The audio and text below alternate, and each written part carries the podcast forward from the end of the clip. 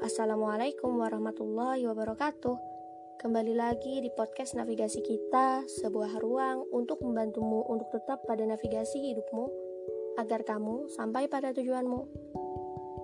Bersamaku Aisyah Rea Fasti. Hai, gimana kabarmu hari ini?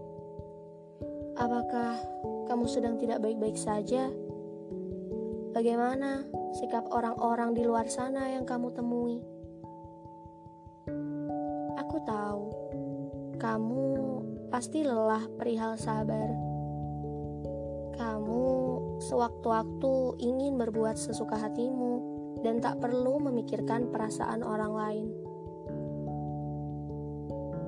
Selama ini, kamu selalu berbuat baik kepada mereka. Bahkan Terkadang kamu terlalu baik, sampai lupa baik sama dirimu sendiri. Oke, okay, sebelumnya thank you for being kind. Makasih banget udah berusaha berbuat baik kepada orang lain. Tapi, satu hal yang kamu perlu ingat. Kita gak bisa memaksa perasaan seseorang kita gak bisa memaksa mereka suka sama kita. Saat kamu sudah berusaha berbuat baik ke semua orang, ingatlah, ini semua karena Allah.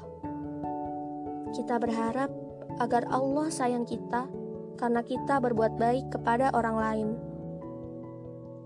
Aku pun juga mengalaminya.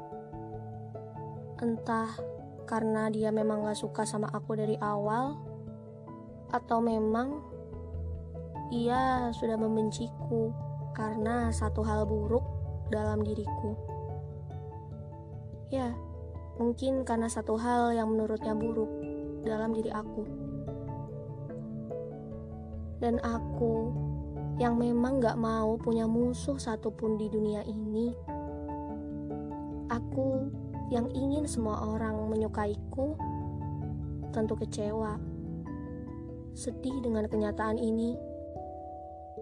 Tapi perlahan aku pun ngerti bahwa hati orang hanya Allah yang berkuasa untuk membolak-balikan.